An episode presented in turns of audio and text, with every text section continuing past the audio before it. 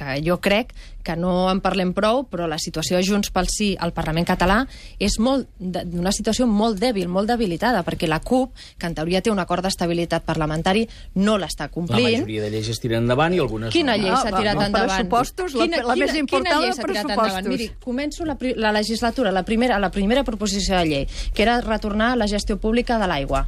El tema de l'ATL, pues, eh, la vam guanyar a l'oposició perquè la CUP aquí ens va donar recolzament. El tema de les escoles que s'agreguen per sexe doncs també és un tema que ha prosperat com a iniciativa de l'oposició. En aquests moments, ara avui, al mes de maig del 2016, el senyor Puigdemont no ha tingut cap votació de cap llei que hagi prosperat.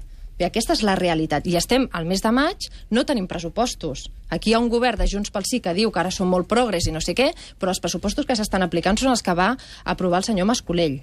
Aquesta és la situació. i I, que no escoltem els portaveus de la CUP dir que és compatible l'estabilitat parlamentària amb no pressupostos recolzar que ja- ja els pressupostos. vam fer amb Esquerra Republicana. Bueno, que deien Vull que eren els últims ja era de la- autonòmics. Sí, però no tenen majoria, Però que ja estaven Ferran. dins de la lògica d'aquest govern, també, no? Postautonomista, que deien el, el senyor Junqueras, a i la que ara s'hi troba... A la lògica del pacte Convergència-Esquerra.